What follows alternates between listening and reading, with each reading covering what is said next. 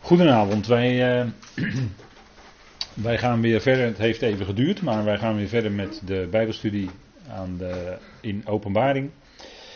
En de vorige keer zijn wij geëindigd bij het vijfde zegel, de zielen onder het altaar. We hebben daar uh, uitvoerig naar gekeken en gezien dat dat een uh, stukje symboliek is, zoals dat wel vaker in de openbaring komt. En deze symboliek is dan het bloed eigenlijk van de martelaren. Dat roept van de aardbodem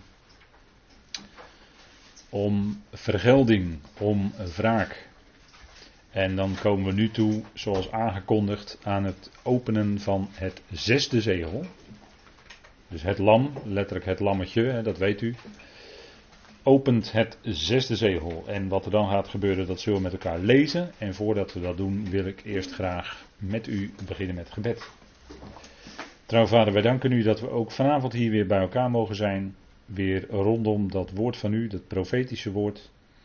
Vader, en als gelovigen hebben we ook daar belangstelling voor, omdat het uw woord is en omdat het aanzegt niet alleen wat in de toekomst gebeurt, maar het zegt ook ons aan dat wat u beloofd heeft, dat u daar aan trouw bent, dat u uw beloften zal vervullen. En vader, als u uw woord van profetie zo nauwgezet vervult, dan houdt dat in dat u ook alle beloften die u heeft gegeven aan uw volk Israël zult vervullen. En dat is nog uh, toekomstmuziek voor hen, maar dat gaat komen. En dank u wel dat u ook alle beloften die u aan ons heeft gegeven zal waarmaken. Vader, en daar dank u voor. Dat is ons uitzicht. Het is genade wat in deze tijd geldt. Vader, en we lezen over deze dingen in het boek Openbaring. En dan is de genadetijd voorbij, Vader. En dan zijn we ons zo bewust dat u ook daar waar u gericht houdt, dat dat getemperd wordt, de zwaarte van het gericht, wordt getemperd door uw hart van liefde. Dank u wel, Vader, dat we dat mogen beseffen dat uw, het houden van uw gericht, dat het uw vreemde werk is. En dank u wel dat het voor u eigenlijk veel gebruikelijker is, om het zomaar te zeggen, dat u genade betoont, dat u barmhartigheid geeft, dat u uw innerlijk medelijden met de schepping laat blijken en dat zal ook gebeuren. Vader, dank u wel dat we mogen lezen vanavond in profetie Geeft u daarin wijsheid en leiding door uw geest. Geef ons het hart, het open hart en het verstand om het te kunnen bevatten. Vader, dank u wel dat we in alles van u afhankelijk zijn. Beseffen dat onze bekwaamheid hiertoe niet ons eigen werk is, maar het is een genadige schenk van u. Vader, dank u wel dat u dat geeft. Dank u wel dat we zo ook deze avond volledig mogen weten te zijn in uw hand. We u daarvoor, wij loven en we prijzen u in die machtige naam van uw geliefde Zoon, onze Heer Christus Jezus. Amen. Goed, wij uh, lezen dan met elkaar in Openbaring 6. En wij doen dat vanaf vers 9. En ik lees u voor uit de herziene statenvertaling. En toen het het vijfde zegel geopend had, zag ik onder het altaar de zielen van hen die geslacht waren omwille van het woord van God en omwille van het getuigenis dat ze hadden. En zij riepen met luide stem tot hoe lang, heilige en waarachtige heerser, oordeelt en wreekt u ons bloed niet aan hen die op de aarde wonen. En aan ieder van hen werd een lang wit gewaad gegeven. En, hen, en tegen hen werd gezegd dat zij nog een korte tijd moesten rusten, totdat ook het aantal van hun mededienstknechten en hun broeders, die evenals zij gedood zouden worden, volledig zou zijn geworden. En ik zag toen het het zesde zegel geopend had, en zie, er kwam een grote aardbeving, en de zon werd zwart als een haren zak, en de maan werd als bloed, en de sterren van de hemel vielen op de aarde, zoals een vijgenboom zijn onrijpe vijgen afwerpt als hij door een harde wind wordt geschud. En de hemel week terug als een boekrol die wordt opgerold. En alle bergen en alle eilanden werden van hun plaats gerukt. En de koningen van de aarde, de groten, de rijken, de oversten over duizend, de machtigen en alle slaven en vrije, verborgen zich in de grotten en tussen de rotsen in de bergen. En ze zeiden tegen de bergen en de rotsen: Val op ons en verberg ons voor het aangezicht van hem die op de troon zit en voor de toren van het lam. Want de grote dag van zijn toren is aangebroken. En wie kan staande blijven? Tot zover deze lezing uit Openbaring 6. En uh, we lezen hier over het vijfde zegel en het zesde zegel. En dat zesde zegel, dat uh, is eigenlijk het uh, directe gevolg. Het openen van het zesde zegel is eigenlijk het directe gevolg van het vijfde zegel. En we zien eigenlijk dat de eerste vier zegels hebben we met elkaar besproken. En we zien daarin eigenlijk dat de, daarin het zich allemaal afspeelt op de aarde.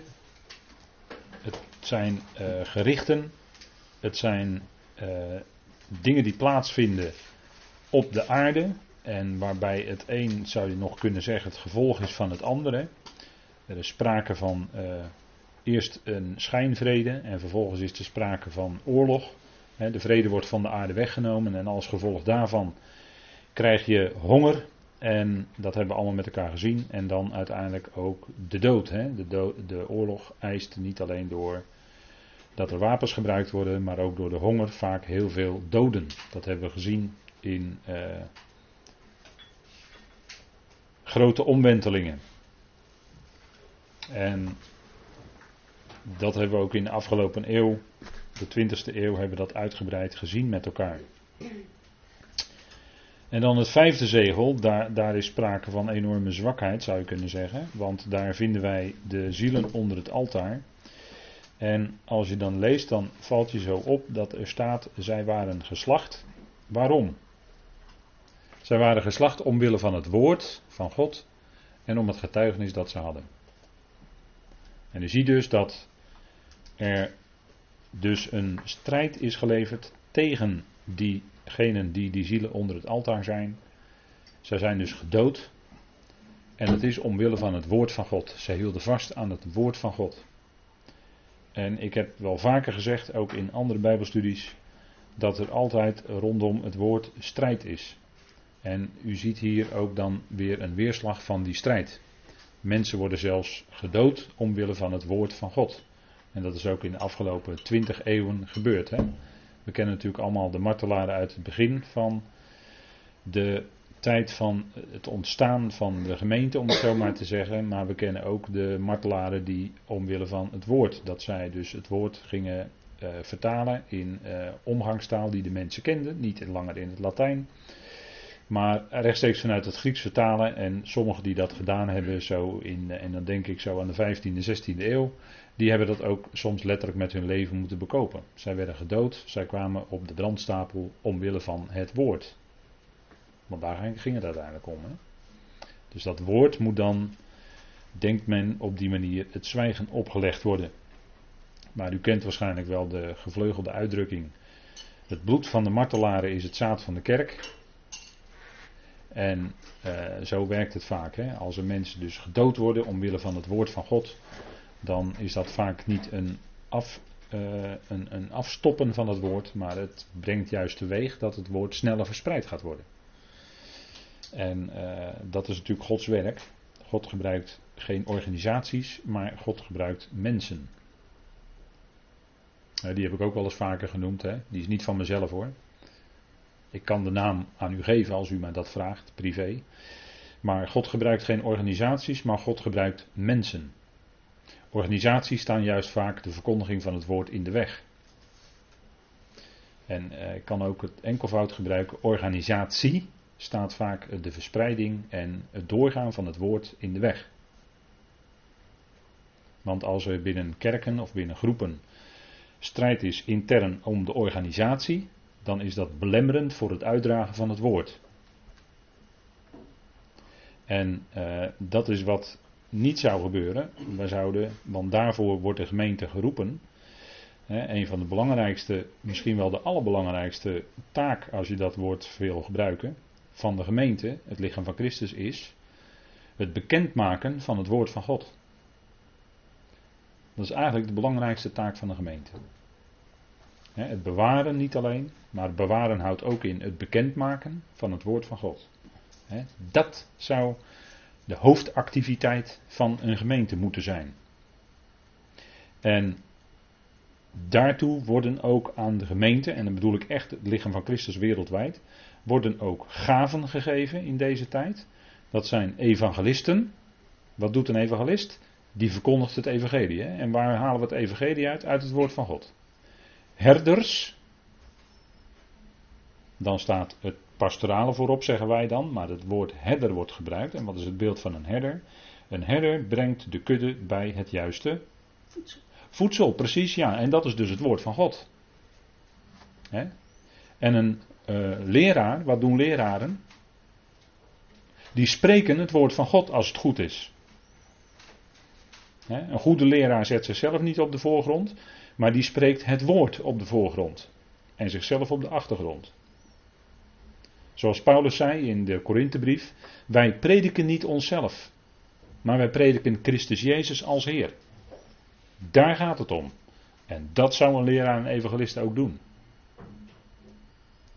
En een leraar en evangelist is niet van zichzelf bekwaam. Maar Paulus zegt in diezelfde Korinthebrief, maar ik zit nu in 2 Korinthe 3, 4 en 5, hè, dat hoort u. Hij zegt, onze bekwaamheid is Gods werk. Dus Paulus ging zich niet beroemen op zijn opleiding die hij had gehad, zelfs al was het aan de voeten van Gamaliel.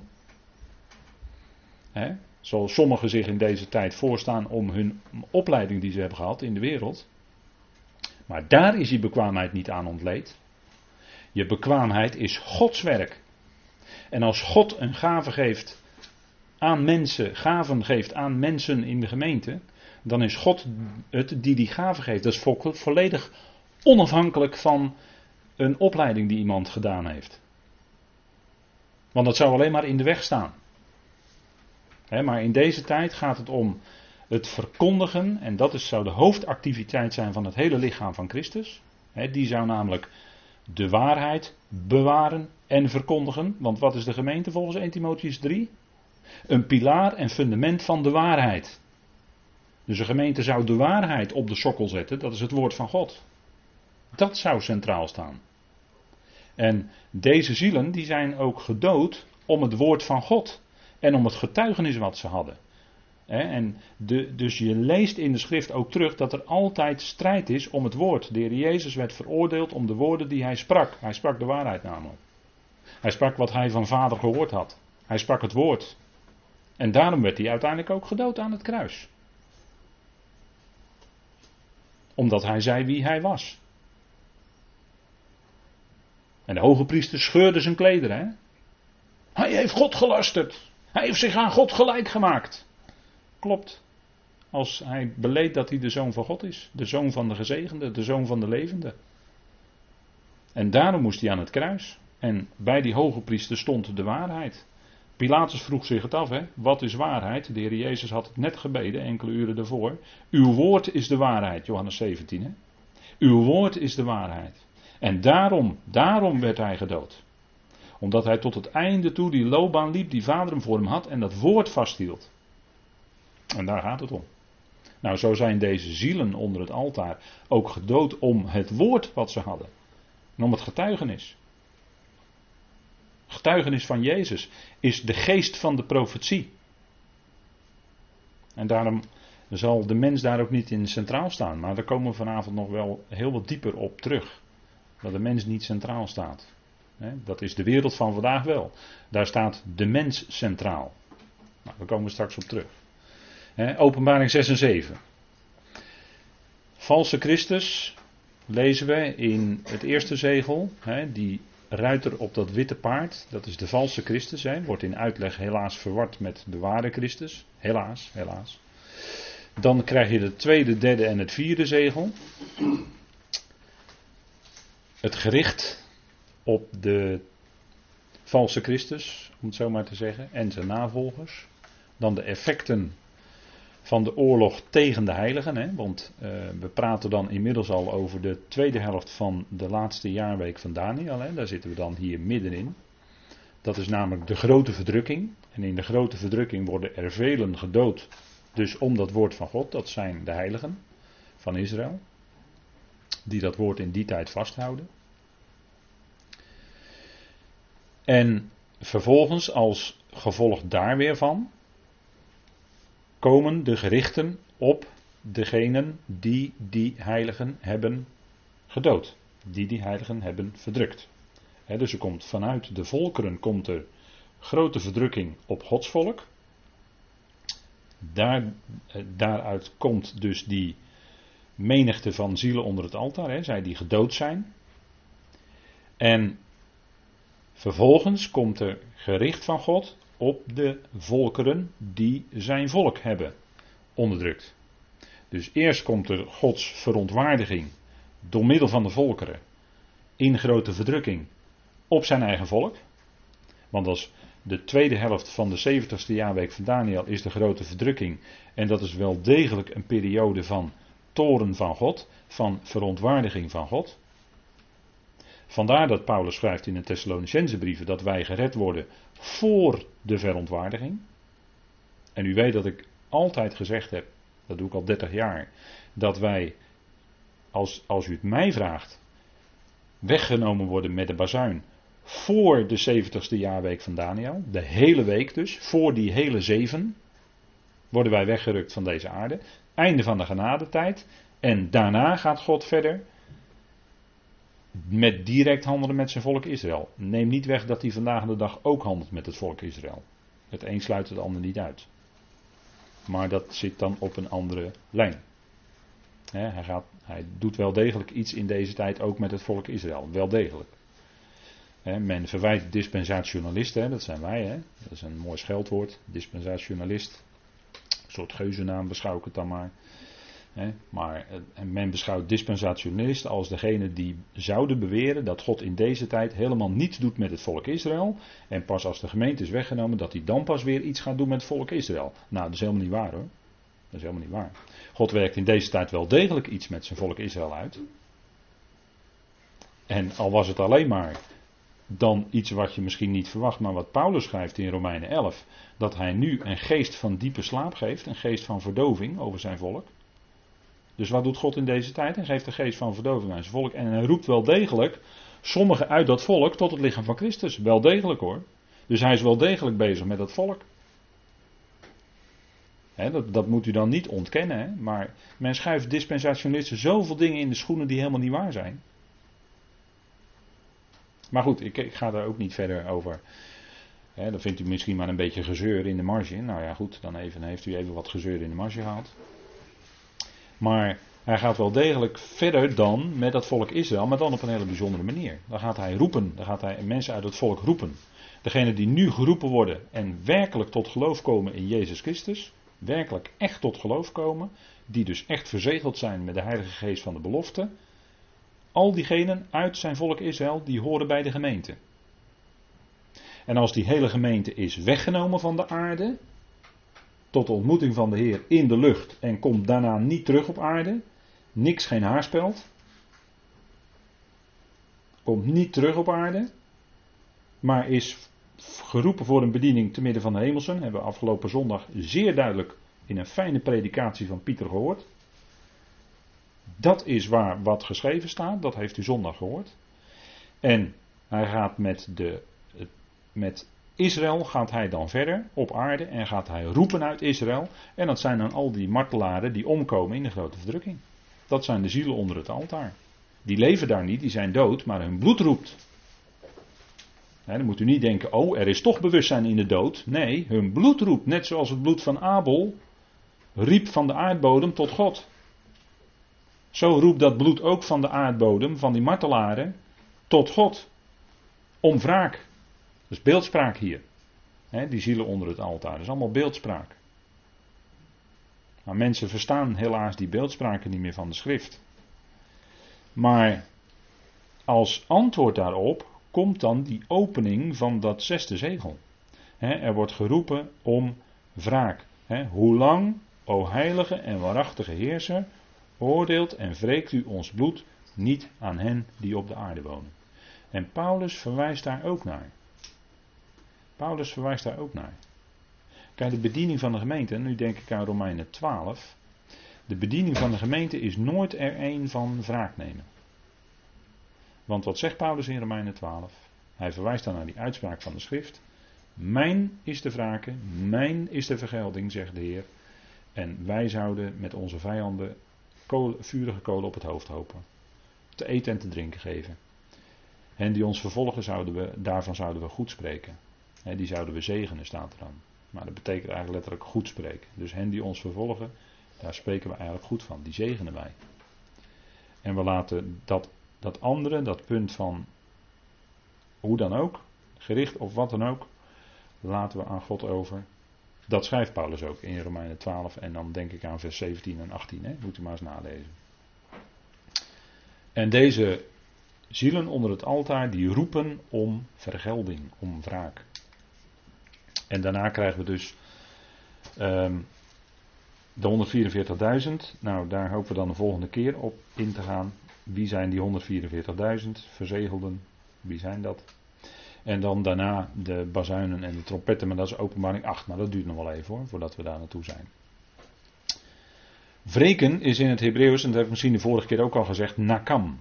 En toen heb ik gezegd dat daar ook iets in zit van opstaan. Hè? U herkent dat als ik tegen u zeg, wat zei de Heer tegen dat dochtertje van Jairus? Talita. Kumi, ja, Kumi. En Kumi, dat heeft te maken met het woord kam in het Hebreeuws. Dus daar zit iets in van opstaan. Nakam. Dat is uh, Kof, Meem. De 50, de 100 en de 40. Dat zijn Hebreeuwse letters hè, waaruit dat woord is opgebouwd. Maar dat heeft iets in zich van het weer doen opstaan. Kumi, hè, kam, kumi, dat, dat, heeft, dat zijn dezelfde letters. De kof en de meen. En dat is eigenlijk, als, je, als het daarom gaat, eh, er komt wel degelijk vergelding in de zin dat er gerichten gaan komen. Maar er zit in dat woord nakam zit dus al erin dat het ter correctie is. Gods vreemde werk is gericht houden. Jezaja 28. En de gerichten die God doet zijn altijd ter correctie. Tot uiteindelijk herstel. Het is nooit een eeuwig oordeel. Die uitdrukking kent de Bijbel helemaal niet. Een eeuwig oordeel bestaat helemaal niet in de Bijbel. Er bestaan wel gerichten, waarna misschien eonenlang mensen verloren zijn, maar na die eonen worden ze weer gevonden. Want al het verlorene in de schrift wordt gevonden. En dat is een enorme hoopvolle boodschap. Hè? En dat is niet alleen hoop, dat is echt de verwachting ook. Dus dat is wat gaat gebeuren. Hè? Alle gerichten van God zijn ter correctie, zijn tot herstel bedoeld. En dat is ook de functie van gerichten. Hè?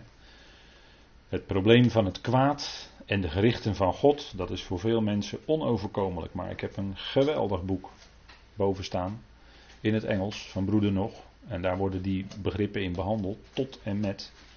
En dat heeft mij heel lang geleden bijzonder, op een bijzondere wijze de ogen geopend. Zo grondig en zo diepgaand in de schrift krijg je antwoord. De schrift geeft echt antwoord op die vragen. Hoe zit het met de gerichten van God en het kwaad in deze wereld? De schrift geeft daar antwoord op. Dat is geweldig. Dat is geweldig. En dat is heel bijzonder hoor. En zij roepen om, eh, en dat bloed hè, eigenlijk, de zielen, eigenlijk is dat het bloed, hè, want er staat er ook, wreekt u ons bloed, niet aan hen die op de aarde wonen. Hè. En bloed is altijd, hè, de ziel is altijd verbonden met het bloed. Dat heb ik ook de vorige keer benadrukt en ik benadruk het nog maar een keer. En leven is altijd verbonden met de geest. Er staat nergens in de Bijbel een verbinding tussen bloed en leven. Wordt vaak gezegd, maar dat is een afgeleide, dat is een conclusie van mensen die zeggen: het leven is in het bloed. Dan zeg ik nee, het leven is verbonden met de geest, volgens de schrift. De ziel is verbonden met het bloed, volgens de schrift. Er wordt in de schrift nergens een koppeling gemaakt tussen bloed en leven. Die woorden worden in de schrift niet aan elkaar verbonden. En dan kunnen wij zeggen, ja, bloed, zuurstof en komt overal en voert ook de afvalstof af enzovoort. Allemaal tot je dienst, allemaal tot je dienst, allemaal biologie. Prima. Maar het leven, de, het levensadem, het levensprincipe komt van de geest van God. Dat is wat ik in de schrift lees. Dat is wat ik in zijn woord lees. En als u mij een tekst kan laten zien waarin bloed verbonden wordt met leven, dan hoor ik dat graag van u.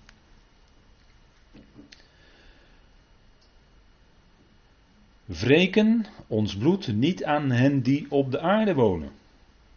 En daar wordt nogal wat over gezegd hè, in de Bijbel, in uh, openbaring alleen al. Hen die op de aarde wonen.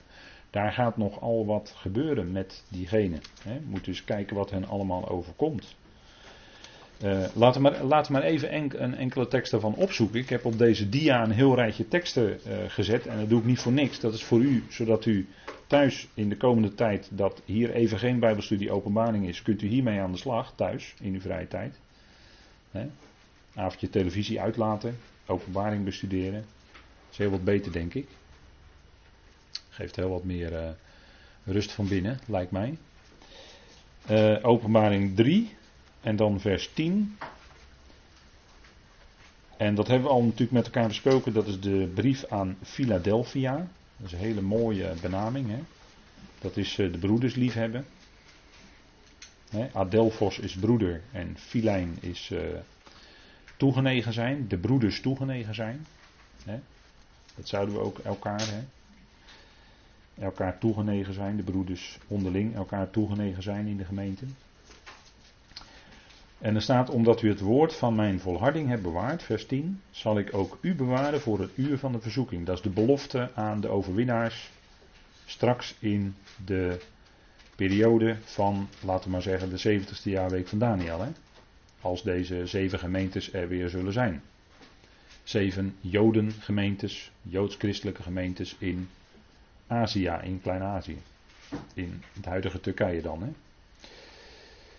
Die zullen er dan weer zijn. En dan zullen de overwinnaars, die zullen bewaard worden, staat hier als belofte. Voor het uur van de verzoeking die over heel de wereld komen zal om hen die op de aarde wonen te verzoeken. Wat is die uur van de verzoeking, denkt u? Beproeving, ja. En wat zal de beproeving zijn in, in de eindtijd? Beeld aanbidden. En. Zij zullen het beeld moeten aanbidden, ja. Zij zullen het beeld van het beest moeten aanbidden. Of niet, en dan worden ze gedood. Maar dat is dan om het woord van God. Dus dat, is, dat houdt het allemaal in. Hè? Maar er zal natuurlijk een moment komen, hè, als je Thessalonicense en Daniel leest, dat de waarheid op de aarde gesmeten zal worden. Dat wil zeggen, God zal een krachtige dwaling zenden, een geest van dwaling. Die zal door God gestuurd worden. Hè? U hoort goed wat ik zeg. Hè? Die zal door God gestuurd worden. Een geest van dwaling staat in 2 Thessalonicense 2.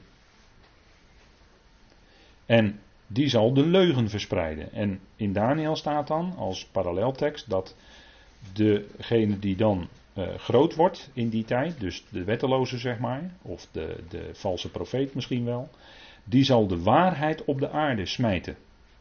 En dat betekent dus ook met de voeten vertreden. Dan zal er dus geen waarheid meer zijn. Dan zal er dus uh, één religie komen. En dan is er geen enkel boek meer wat de waarheid is, dus ook de Bijbel niet. Maar dat heeft de, degene die daar naartoe werkt, heeft dat in feite al gezegd. Alles wordt gelijk geschakeld, hè, al die boeken. De grote, zeg maar wat men in het algemeen in de wereld zegt, de heilige boeken van de diverse religies. Dus ook de Bijbel, er wordt allemaal gelijk geschakeld. En dat gaat allemaal over één God, zegt men dan. Hè. Maar dat is al volop natuurlijk aan de gang. Hè. Dat is volop bezig. En het moet leiden tot die ene wereldreligie. En dan komt er straks ook die ene wereldleraar. En iedereen zal hem moeten horen en geloven. En, en, en het beeld. Uiteindelijk zal dat moeten leiden tot gedwongen aanbidding van het beeld van het beest en het beest dus. En dat zal die, diegenen die op de aarde wonen overkomen. En als u kijkt in uh, Openbaring 8, vers 13. Dan ziet u daar ook dat uh, een boodschapper die dan daar hoog in de hemel vliegt want dat zijn hemelse boodschappers, die kunnen hoog in de hemel vliegen. Openbaring 8, vers 13. En ik, zag en ik hoorde één boodschapper die hoog aan de hemel vloog en met een luide stem riep: Wee, wee, wee, hun die op de aarde wonen. Daar heb je ze weer, hè? Hun die op de aarde wonen. Vanwege de overige bazuinstoten van de drie boodschappers die nog op de bazuin zullen blazen. En dan gaat er heel wat los hoor. Als die bazuinen gaan klinken, dan gaat er heel wat los. En die boodschapper zegt natuurlijk niet voor niks. Drie keer wee over hen die op de aarde wonen. Dat is een ontzettende tijd. En, en, en als gelovige dan, dan, ja, dan, dan heb je daar verdriet over in je hart. Dat, dat, die, dat zoveel mensen die je nu nog om je heen ziet, dat die dat zullen moeten meemaken in de toekomst, in de nabije toekomst. En eh, natuurlijk, ik zeg nabije toekomst en we weten niet hoe lang we hebben. En u, heeft misschien wel op internet gezien dat rekensommetje, dat het is net Rosh Hashanah geweest. Het jaar 5777 is begonnen. Maar dat is een visie van rabbijnen. Er zijn meerdere jaartellingen van andere rabbijnen, dus daar zet ik al iets mee wankel. Hè. Maar men gaat er dan vanuit, misschien is dat wel het juiste jaar, hè, 5777. Maar zij hebben de 215 jaar verdrukking van Egypte niet meegeteld. die laten ze buiten beschouwing. Nou, tel je die erbij op, dan kom je in het jaar 5992. En zegt men, dan is het nog acht jaar te gaan tot het jaar 6000. En dan is 6000 vol en dan begint het de zevende dag, hè, de Shabbat. Dan komt het millennium. Nou, u heeft dat verhaal misschien wel gelezen hè, op internet. Nou, ik kreeg het via de mail van iemand toegestuurd. Dus vandaar dat ik erover begin. Maar ik zeg al, dat is een telling van rabbijnen. 7577 is misschien wel redelijk algemeen aanvaard binnen het Jodendom, maar het is een visie. Hè? En u weet hoe het zit met jaartallen, met uh, berekeningen. Dat is een hele moeilijke business hoor. En de afgelopen 2000 jaar zijn die jaar, jaartallen ook al bijgesteld. En eigenlijk is het helemaal niet zo zeker allemaal. En natuurlijk, we zijn nu wel grofweg 2000 jaar verder, nadat de Heer op aarde geleefd heeft. Natuurlijk wel, dat wel, zeker. Die twee dagen zijn echt wel zo'n beetje om. Dat geloof ik ook wel. Alleen zo'n berekening zoals ik net noemde, dan denk ik van ja, ach, ach, er zijn al zoveel geweest. Dus ik, ik parkeer dat gewoon ergens en dan denk ik, ja, ik weet het niet. Want wij kunnen dat niet zeggen, wij kunnen dat niet berekenen. Wij kunnen dat niet berekenen. Dat, dat, is, dat is wat ik, wat ik ervan vind. ik heb me er echt wel eens in verdiept. Maar je kunt het niet berekenen, want er zijn te veel onzekerheden. Maar dat we er dichtbij zitten, dat hoort u mij elke keer zeggen. En vandaar dat we nu al heel wat avonden met het profetisch woord bezig zijn. Dat is natuurlijk niet zomaar. Dus we besteden daar ruimschoots aandacht aan, aan het profetische woord. Alleen we gaan niet in de berekeningen, want dat vind ik een hele moeilijke kwestie. En het is al zo vaak misgegaan met berekeningen. Denk alleen al aan 100 jaar geleden, toen zeiden de Jehovah's getuigen dat de Heer zou komen in 1914. En we zijn nu ruim 100 jaar verder. Ik bedoel, dat zijn gewoon hele moeilijke dingen. Daar, daar kun je niet op, daar kun je niet op vastpinnen. Nou goed, we gaan even verder naar de, de, de volgende tekstplaats, openbaring 11. Openbaring 11.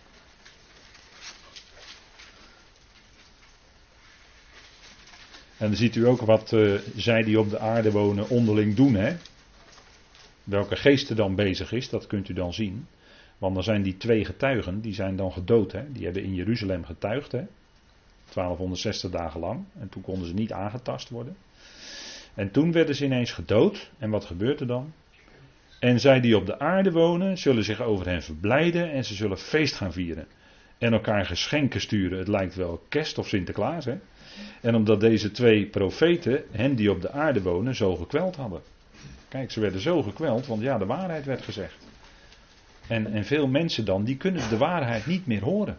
En dat is vandaag eigenlijk ook al, hè? Dat zegt Paulus in 2 Timotheus daarom zeg ik dat, omdat het daarin staat. Dat mensen eh, worden gekieteld in hun oren en ze verzamelen zich, letterlijk staat er dan ophopen, zich leraren die naar hun gehoor spreken. Daar gaan ze dan op af. Want ze willen de waarheid niet meer horen. En het is dezelfde brief waarin Paulus zegt dat wij het woord van de waarheid recht zouden snijden. Dat betekent niet een goede preek houden, maar dat betekent dat je die waarheid dat je die waarheid die voor een bepaalde tijd bedoeld is, ook op die tijd laat staan. En dat de waarheid voor vandaag de brieven van Paulus zijn. En dat woord zijn is geloof ik grammaticaal nu niet goed hè, in deze zin. Maar goed, maakt niet uit. Hè? Maar de waarheid voor vandaag is datgene wat we van de apostel Paulus horen. En al de rest van de schrift, die ons, is ons gegeven tot lering, tot onderwijzing, tot opvoeding en gerechtigheid, enzovoort, enzovoort. Staat allemaal in 2 Timotheus. Hè? Maar ook dus dat mensen zich leraren ophopen. En weet u, luisteren naar het woord is heel belangrijk. Want door horen komt geloof. Niet door discussiëren.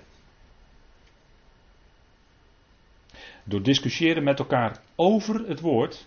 En ik gebruik expres hier het woord over. Want dat wil zeggen, dan, dan de discussieerders staan dan zelf boven het woord namelijk.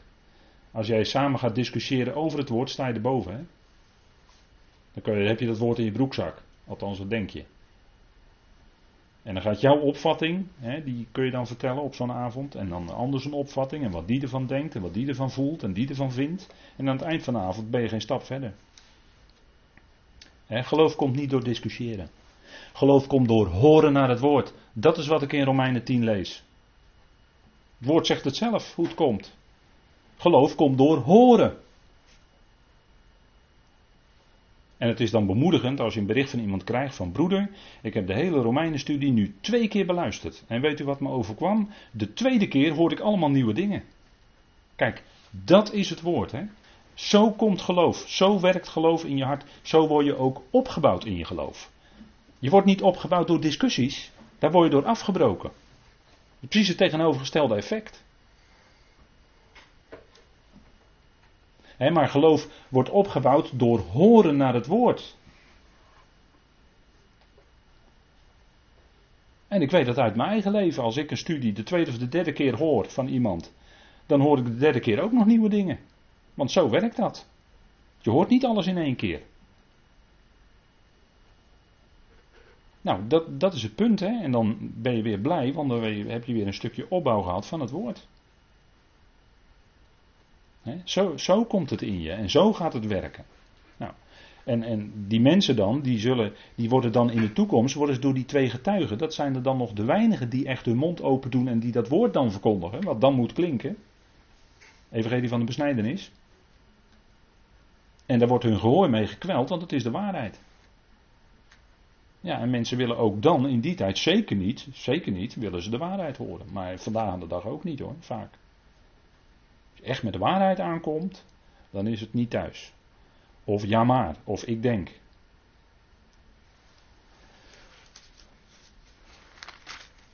Nou, in openbaring 13 zien we dat ook, hè? hen die op de aarde wonen. Hen die op de aarde wonen. En dan gaat het over wat ik net al even noemde. Hè? Daar gaan we naartoe. Eén wereldreligie. we leven nu in de tijd dat alles, de tolerantie viert hoogtij. En tolerantie is dan tolerantie. Alle religies zijn één, alle religies zijn gelijk. Hè? Dat is tolerantie. Volgens de dictatuur van de humaniteit.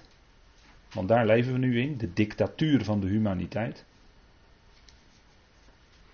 dat is tolerant zijn ten opzichte van alle anders denken en jij mag niks meer zeggen. Want dat is politiek niet correct als je wat zegt. Zeker niet als je de waarheid zegt. Dat is politiek zeer incorrect in deze tijd. je moet politiek correct zijn. Dan mag je niks meer zeggen. Maar allen die op de aarde wonen, wat zullen die moeten doen straks? En allen die op de aarde wonen, openbaar 13 vers 8, zullen het aanbidden wat het, het beest, het beeld van het beest, net als in de tijd van Daniel, dat was natuurlijk profetisch, hè, dat Daniel zijn knieën moest buigen voor dat beeld van Nebukadnezar, weet u wel. En toen hij het niet deed, kwamen de verklikkers en toen, ja, u weet wat er gebeurde. Maar precies, toen was het al precies hetzelfde bij Nebuchadnezzar als straks in de eindtijd. Allebei Babel. Die namen niet geschreven zijn in het boek des levens van het lam dat geslacht is vanaf de nederwerping van de wereld. Er staat geen grondlegging, maar er staat nederwerping. Er staat hier katabole in het Grieks en niet temelios. Moet ik keer goed vertalen. Indien iemand oren heeft, laat hij horen. Waarvoor heb je nou van God oren gekregen? Waarvoor heb je ze nou gekregen? Natuurlijk om zijn woord te horen. Wat denkt u nou? Waarvoor heb je nou ogen gekregen? Om zijn woorden te kunnen lezen natuurlijk. Tuurlijk. Dat is toch het eerste. Dat is toch het eerste en het allerbelangrijkste waar het om gaat. wij, zijn, wij zijn vaak zo naïef, wij denken daaraan voorbij. Maar goed, dat, dat is nou eenmaal, wie, wie oren heeft om te horen, laat hij horen. Dat zei de Heer ook regelmatig. En openbaring 13, vers 12. En het oefent al de macht van het eerste beest en er komt een ander beest. Nou, daar gaan we allemaal in de toekomst misschien nog mee bezig, als we de tijd nog krijgen al de macht van het beest voor zijn ogen uit. Het maakt dat de aarde en zij die er wonen, de aarde en zij die er wonen, het eerste beest aanbidden waarvan de dodelijke wond genezen was. Nou, weer over hen die op de aarde wonen. Dus u ziet, die mensen die op de aarde wonen, ze, er overkomt ze nogal wat. Hè? Dus er gaat nogal wat los straks in die eindtijd. Nou, wees blij dat u in de tijd van genade leeft en dat u bij het licht van Christus hoort. Wees blij.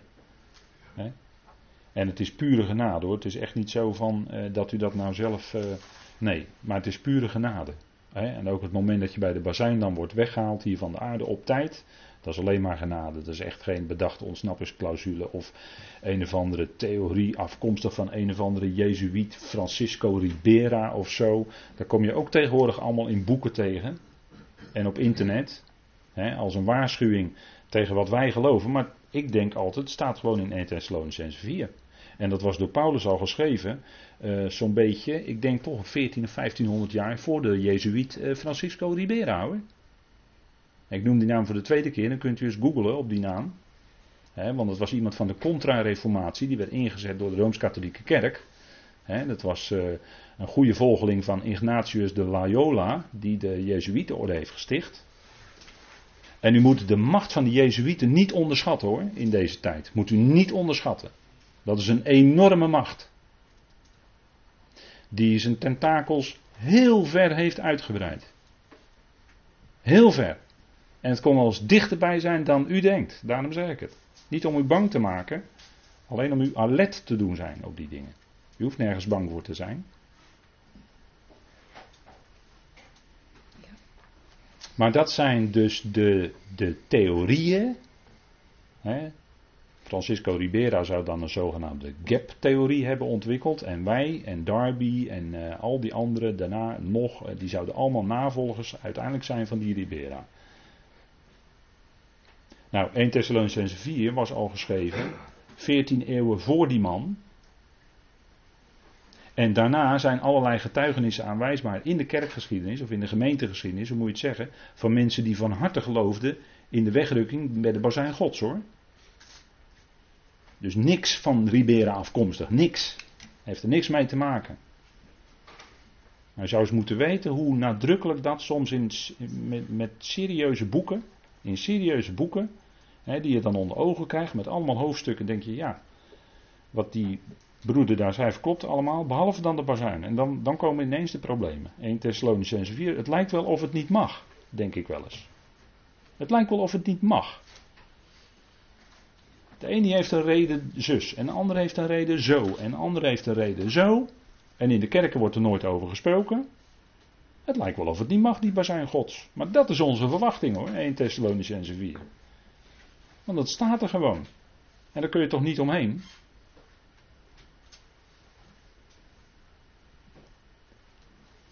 En dat zijn gewoon hele wezenlijke dingen. Waar, we, waar we alert op zijn. Maar denk erom. Denk erom dat de invloed en macht van de Jezuïeten vandaag de dag heel groot is nog steeds. En de huidige paus is eigenlijk ook een Jezuïet. Hè? Eigenlijk afkomstig uit die orde. De eerste. De eerste paus die ook afkomstig is uit de Jezuïetenorde. Deze. Moet u zich niet in vergissen hoor. En ik zeg echt niet dat de paus de antichrist is, dat hoort u mij echt niet zeggen. Want dat geloof ik ook niet.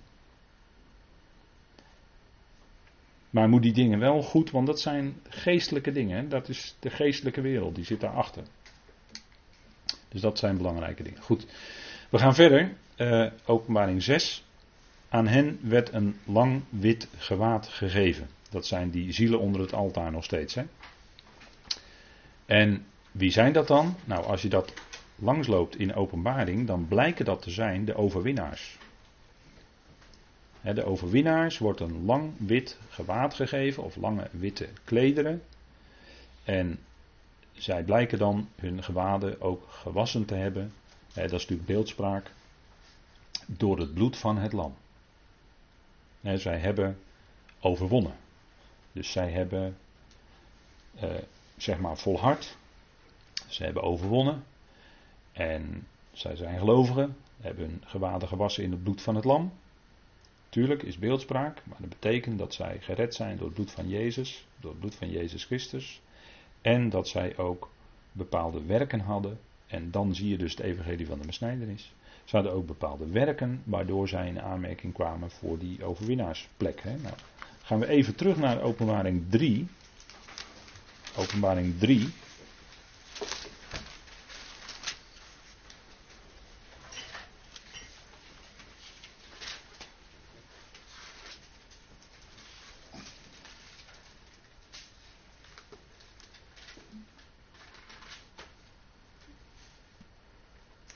En dan even kijken hoor, het vierde en het vijfde vers. Daar wordt ook gesproken over witte klederen. Maar u hebt ook in Sardis enkele personen, of letterlijk staat er dan namen, die hun kleren niet bevlekt hebben. En ze zullen met mij wandelen in witte kleren, omdat zij het waard zijn. Wie overwint, zal bekleed worden met witte kleren, en ik zal zijn naam beslist niet uitwissen uit het boek des levens maar ik zal zijn naam beleiden voor mijn vader en voor zijn boodschappers. Nou, zo diegenen, dat zijn dus de overwinnaars, die krijgen dus die witte klederen. En daarvan worden er kennelijk, en dat lezen we dan terug in openbaring 6, hè, waar staat, en aan ieder van hen werd een lang wit gewaad gegeven. Eh, kennelijk worden zij ook dan gedood in die tijd van grote verdrukking. Ziet u, want ook hier wordt gesproken over die witte klederen. En wij vinden dat ook terug in openbaring 7. En dan gaat het over die schade die niemand tellen kan. een grote menigte die niemand tellen kan. En die staan dan op aarde, vergist u zich niet hoor. Dit is geen uh, visioen van de hemel of zo, of van hun redding dat ze dan in de hemel zijn. Maar dit is een visioen van dat ze op aarde zijn in het koninkrijk. En hierna zag ik en zie een grote menigte, die niemand tellen kon, uit alle naties, stammen, volken en talen, stond voor de troon en voor het lam, bekleed met witte gewaden en palmtakken in hun hand. Nou, dat wijst op mogelijk het Loofhuttenfeest. Hè? En dan lezen wij in vers 13. En een van de oudsten antwoordde en zei tegen mij: Deze die bekleed zijn met witte gewaden, wie zijn zij en waar zijn ze vandaan gekomen? En ik zei tegen hem: U weet het, mijn heer. En hij zei tegen mij: Deze zijn het die uit de grote verdrukking komen. En ze hebben hun gewaden gewassen en ze hebben hun gewaden gewit gemaakt in het bloed van het lam. Ziet u het? Dus die enorme menigte, die dan daar uit die grote verdrukking komt, die staan dan op aarde en die zijn dan het koninkrijk binnen. Maar we zullen daar in de, in de nabije toekomst nog uh, op terugkomen. Wie dat dan precies zijn. Dat is niet de gemeente trouwens, hè, dat kunnen we gelijk wel even uh, aangeven. Dat, is niet, uh, dat zijn niet de leden van het lichaam van Christus hier. Hè. Het is niet zo dat de bazuin klinkt en de hele gemeente is weg en daarna worden nog een heleboel uit de grote verdrukking gered die ook bij de gemeente horen. Dat niet. Hè. Nee, die hele gemeente wordt weggenomen bij de bazuin Gods. 1 Thessalonicense 4. Daarna krijg je de grote verdrukking. En in die grote verdrukking worden nog een heleboel mensen gedood. Een heleboel heiligen uit zijn volk. En die komen dan later, blijken dan te zijn gekomen uit die grote verdrukking en zijn het koninkrijk binnengegaan. Dat is eigenlijk wat hier in openbaring 7 aan de hand is. Dus het heeft helemaal niets te maken met het lichaam van Christus.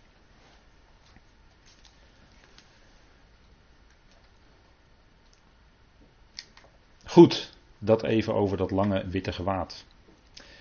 En dan die enorme natuurverschijnselen die daar beschreven zijn, wat we gelezen hebben met elkaar hè, in openbaring 6 vanaf vers 12. Uh, eh, dat is eigenlijk, zou je kunnen zeggen, het gevolg van die enorme martelpraktijken, het doden van vele heiligen van Israël in de tijd van de grote verdrukking enorm de allerzwaarste en grootste uitbraak van antisemitisme die, je, die zijn weergaan niet kent, zal dat zijn.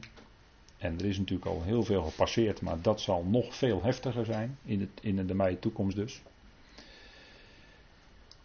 En als gevolg daar weer van zullen dus die natieën onder de gerichten van God komen. En we gaan daar in de toekomst nog wel wat dieper op in. Maar ik heb wel eens vaker gezegd dat als die 70ste jaarweek van Daniel voorbij is, en daar, op dat punt zitten we hier dus, hè, in eh, vers 12, als dat zesde zegel open gaat, dan is eigenlijk de mens in zijn hoogmoed heeft dan het toppunt bereikt. Hè, vandaar ook het zesde zegel. Het getal 6 is het getal van de mens hè, in de Bijbel. 666 in ieder geval, volgens openbaring. Maar het getal 6 van oudsher is ook het getal van de mens, hè, omdat de mens op de zesde dag werd geschapen. De zesde Hebreeuwse letter, de waf, is niet alleen de haak, maar het stelt ook de mens voor. Hè. De mens als, uh, zo wordt het dan gezien in het Jodendom. De rabbijnen die zeggen daarvan dat de mens dan eigenlijk de verbinding is tussen de hemel en de aarde. Dus de haak, de verbindende haak tussen hemel en de aarde. En dat zeggen de rabbijnen. Hè. Dus ook met die zes, dat is de waf. Vandaar dat het woordje, of de letter waf in het Hebreeuws wordt vaak vertaald met n.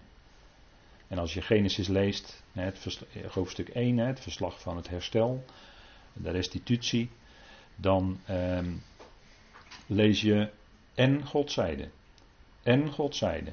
Het wordt vaak in de vertalingen wel anders gedaan, maar eigenlijk staat er in de Hebreeuws steeds die waf. Hè? En God zeide. En God zeide. En het geschieden. Dus heel, dat is typisch Hebreeuws. Steeds die letter waf, steeds die, dat en. Wij vinden dat heel saai, maar dat is nou eenmaal zoals het Hebreeuws dat doet. En ik vind dat je dat dan gewoon ook zo moet laten staan. Omdat dat is wat God erin gelegd heeft. Maar uh, wat we hier zien dus, is eigenlijk de, het openen van het zesde zegel. Dus zes, dan is de toppunt, de, de menselijke hoogmoed tot een toppunt gekomen. Hè, het antichristelijke wereldrijk, om het zo maar te zeggen. Babylon, hè, Babel. Die rol is nog niet uitgespeeld hoor, van Babel. Maar het zal weer in de toekomst, in de nabije toekomst, weer de hoofdstad zijn, de wereldhoofdstad van dat wereldrijk, Babel. Net zoals het in het verleden ook was. Maar hier zien we dus dat er een grote aardbeving komt. En dat de zon zwart werd als een hanenzak. Hè. Dat kan te maken hebben met de vulkaanuitbarsting, waarbij heel veel van het stof en van, de, van die rook er ineens uitkomt. En uh, ja, dan kan het best zijn dat de zon er zo uitziet. Zwart als een hanenzak. En de maan werd als bloed. Hè. Een bloedrode maan, dat hebben we niet zo lang geleden ook nog eens een keer gezien. Hè. Midden in de nacht zag je ineens een bloedrode maan zo. Hè. Dat hebben we gezien, dat is heel bijzonder. Dan denk je aan deze dingen. En, uh, dus dat komt wel vaker voor, maar dan zal dat door die natuurverschijnselen, uh, dat wat gebeurt, zal dat plaatsvinden. En nu ziet hier een kaartje met uh, zeg maar de, de, de breuklijnen die daar lopen rondom Israël. en dan begrijpt u dat ook die, ja, die olijfberg, als daar een aardbeving komt, en dat gaat dan natuurlijk dan daar plaatsvinden op die breuklijnen, dat dan die olijfberg inderdaad ook gaat splijten natuurlijk. Hè? Dat zal zo'n aardbeving aan zo'n breuklijn zal dat ook teweeg brengen. En uh, dat is natuurlijk wat hier gaat gebeuren. En dus niet de enige keer dat er in openbaring over een aardbeving gesproken wordt. Hè, maar uh, meerdere keren, en dat zal dus meerdere keren gaan gebeuren in die, uh, in die laatste fase. Hè, de overgang van de boze aion naar de, naar de goede aion, om het zo maar te zeggen. Dat is een enorme overgang, niet alleen op aarde, maar ook in de hemelen. Maar we zien dus ook verschijnselen dus aan die hemellichamen, hè, dus de zon en de maan. Dus er zijn ook verschijnselen aan zon, maan en sterren, want er wordt ook gesproken over sterren.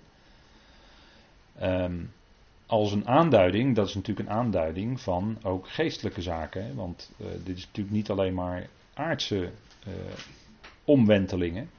Maar dat heeft natuurlijk zijn, uh, dat is natuurlijk eigenlijk een uitwerking van de enorme geestelijke omwentelingen die dan plaatsvinden die geestelijke machten en krachten zullen ook uh, dat gericht ondergaan en zullen ook hun plek krijgen. dat is wat allemaal, alles gaat natuurlijk dan inderdaad schudden. net zoals op het moment dat de Heer Jezus stierf aan het kruis, dat er ook een aardbeving was.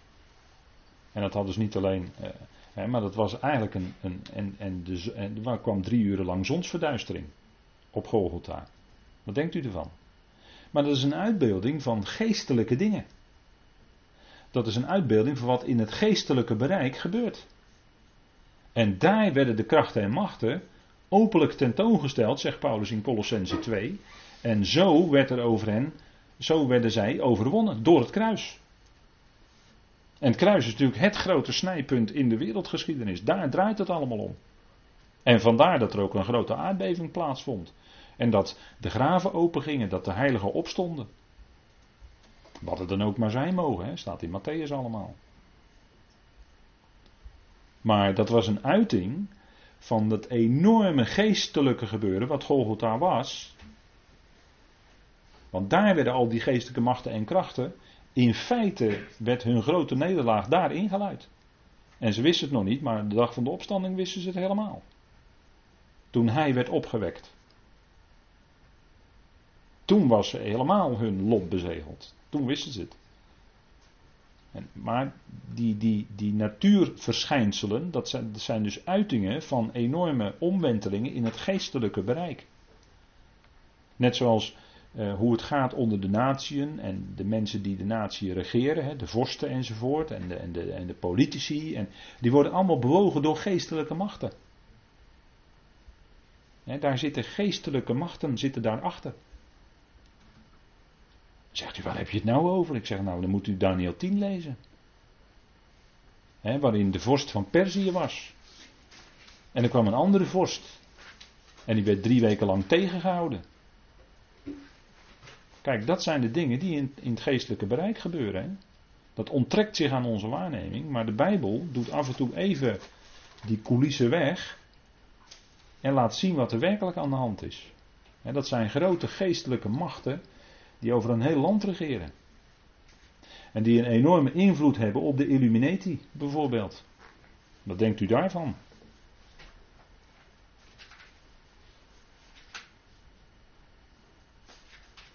Nou, zo wordt er in, in, niet alleen in openbaring, maar ik heb u al vaker gezegd dat openbaring eigenlijk een uitloper is van allerlei profetie die wij al in de schrift kennen. En zo wordt het natuurlijk ook in het verleden werd er door de profeten al gesproken, door de zieners, hè, profeet is ook een ziener, uh, werd er door de zieners, die zagen dingen gebeuren, die in werkelijkheid pas in de toekomst zouden gaan plaatsvinden. Maar zij zagen dat al. Want voor God maakt tijd helemaal niet uit. Hè? Die kan dat zo laten zien aan een profeet, wat misschien 3000 jaar later gaat gebeuren. Abraham zag de stad met fundamenten, wat denk je daarvan? Wat denk je daarvan? Wat heeft Abraham gezien? Nou, misschien wel Nieuw Jeruzalem. Of misschien wel het Jeruzalem wat op, op, de, op de aarde zal staan. In, in, de, in de duizend jaar. Of op de nieuwe aarde. maar Abraham zag die stad met fundamenten. God opende zijn ogen. En wat denkt u wat Mozes heeft gezien op de berg? Moet u maar eens Hebreeën op nalezen. Maar die heeft wat gezien hoor. En hij moest anderen instrueren om dat te vertalen in een tabernakeldienst. Maar wat Mozes gezien heeft, was de goddelijke dienst van de hemelsen. Dat heeft Mozes gezien. Waarvan een weerslag is gekomen later in de dienst aan het, in de tabernakel en in de tempel. Dat was daar een weerslag van. Moet u Hebreeën maar eens nalezen. Als u zegt van nou dat heb ik nog nooit gehoord. Ik zeg nou dan hoort u het nu voor het eerst. Maar het staat in de Hebreeënbrief. dat is een afbeelding van de hemelse dingen hoor. Die tabernakeldienst. Dat is niet zomaar wat. waarom denkt u dat je dat dan kan indelen in vijf fasen, die hele tabernakeldienst? Omdat er vijf eonen zijn natuurlijk. Wat, wat denk je nou? Het is dezelfde God hoor, die dat allemaal gegeven heeft. Is dezelfde God. Vijf tijdperken, vijf fasen in de tabernakel. En waarom is er nou een heilige en het heilige der heiligen? Nou, omdat er een eerste verbond is en een tweede verbond. Er is een oud verbond en een nieuw verbond. Staat allemaal in Hebreeën hoor, kunt u dat allemaal teruglezen. En dat is allemaal afbeelding van het ware van het hemelse. Goud, zilver, het spreekt van geestelijke dingen. Allemaal heeft het zijn betekenis. Maar goed, ik ga er hier niet te lang op door, want anders dan wordt het een hele andere Bijbelstudie. Maar Denk erom, en ik probeer u hiermee te prikkelen, om die dingen te gaan opzoeken, om daarmee aan de slag te gaan, om dat na te gaan lezen en om dat uit te zoeken. Hoe zit dat? Daar wil ik meer van weten. we zijn toch gelovigen, dan zijn we geïnteresseerd in de schriften, daarom zit u hier. Nou, Ezekiel, die heeft ook iets gezien over een aardbeving. Laten we even gaan opzoeken in Ezekiel 38. Het is altijd zo moeilijk, hè? Ezekiel 38 en 39, die hoofdstukken. Hè? Want als ik tegen u zeg Gog en Magog, hè? nou, gaat u op internet maar eens googelen. Wat je dan allemaal tegenkomt. Nou, nou. Daar kun je door in verwarring raken hoor. Maar als je gewoon de schrift volgt.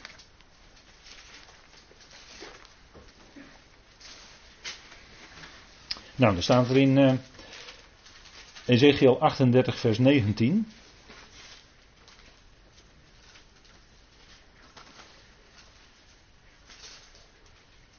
En ik lees met, even, met u even vers 18. Maar we gaan er nu niet te diep op in. Op die dag zal het gebeuren, op de dag dat Gog over het land van Israël komt, spreekt Adonai JW, dat mijn grimmigheid in mijn neus zal opstijgen. En waarom staat hier nou neus? Omdat neus, dat is af in het Hebreeuws, dat betekent heel vaak eh, Gods verontwaardiging. Daar wordt het woord neus eigenlijk gebruikt, hè? of af. En dat is eigenlijk als iemand, ehm, ja laat ik het zo maar zeggen, hevig verontwaardigd is, dan, dan hoor je dat door die neus gaat. Hè? Dat, dat is eigenlijk het beeld wat in het Hebreeuws dan opgeroepen wordt. Want in mijn naijver, in het vuur van mijn verbolgenheid, heb ik gesproken voorwaar, op die dag zal een zware aardbeving het land van Israël treffen. Op die dag. En dan zegt u, wat is nou die dag? Maar dat ga ik u nu niet zeggen. Maar er wordt vaker gesproken en dat is nog, en ik zeg wel, dat is nog toekomstig. Die dag, die aardbeving is nog toekomstig. Ja, en we lezen het ook in Amos 1, vers 1. Amos, uh, kent u wel een liedje van, hè? Een boer uit Tekoa, die ging naar de stad, weet u wel. Nou, de woorden van Amos. Amos 1, vers 1. Kom je ook nog eens een keer in Amos, hè? Lees je misschien niet elke dag. Maar uh, Amos was wel degelijk een profeet die al wat gezien heeft, negen hoofdstukken. De woorden van Amos die behoorden tot de veehouders uit Tekoa, die hij gezien heeft over Israël in de dagen van Uzia, de koning van Juda, en in de dagen van Jerobiam. Dat was uh, Jerobiam de tweede. Want Jerobiam eerste, weet u wel, was de koning van het tienstammenrijk direct na Salomo. Het was Rehabiam, de koning over het tweestammenrijk. En Jerobiam was de koning over het tienstammenrijk. En waarom weet ik dat? Omdat Jerobiam uit Ephraim komt. En Ephraim wordt altijd gezien als de belangrijkste stam van de tien stammen. De tien stammen worden in de profetie vaak Ephraim genoemd. Met als hoofdstad Samaria. En Jerobiam kwam uit de stam Ephraim. Want, want aan Ephraim zijn bijzondere beloften verbonden. Ephraim betekent dubbele vrucht. En Ephraim heeft in feite geërfd gekregen het eerstgeboorterecht. En aan de eerstgeborene wordt altijd een dubbel deel gegeven, weet u wel. Vandaar dat Ephraim dubbele vrucht heet. Zo heet hij. Ephraim betekent dubbele vrucht. Hè. If, hè, far, far is vrucht in het Hebreeuws. En ayin is een dualis, is een tweevoud, dus dubbele vrucht. En daarom, daarom worden tien stammen vaak aangeduid met Ephraim. Net zoals de twee stammen vaak aangeduid worden met Juda. En heel strikt genomen komen de Joden eigenlijk uit de twee stammen. Wij spreken gemakshalve over het Joodse volk als we alle twaalf stammen bedoelen. Maar als je in de schrift leest, moet je toch vaak nauwkeurig zijn. worden de tien stammen vaak aangeduid met Israël of met Ephraim. Kijk u maar eens in Jeremia 31. Wat voor geweldige belofte daar aan Ephraim wordt gegeven. Waar, waar God heel nauw mee verbonden is. En daar zit nog veel meer aan vast hoor. Maar die twee en die tien stammen, natuurlijk, dat weten wij, die zullen in de toekomst weer één worden. Waarom sprak de Heer in Johannes 10 over schapen van die andere stal?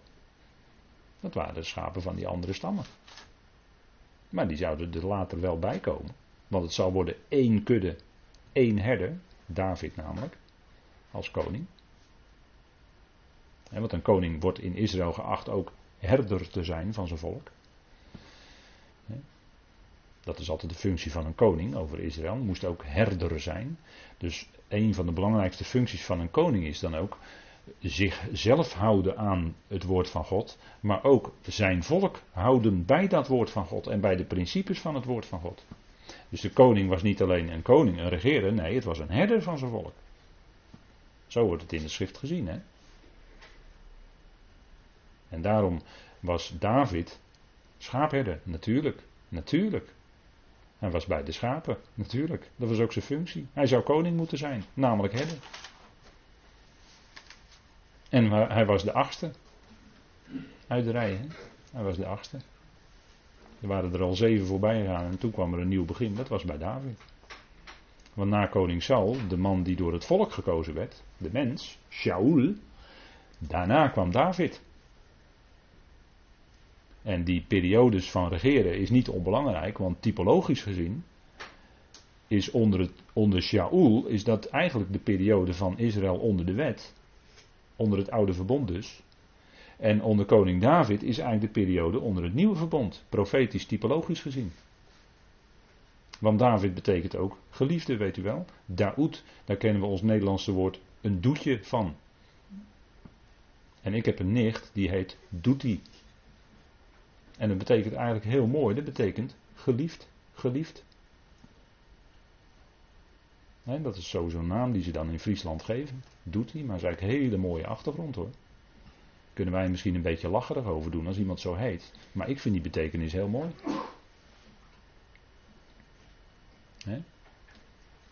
Kijk, met die namen ook, dan denk ik altijd een stapje dieper. Hè? Dan denk ik, wat betekent zo'n naam? En in een naam zit altijd heel veel.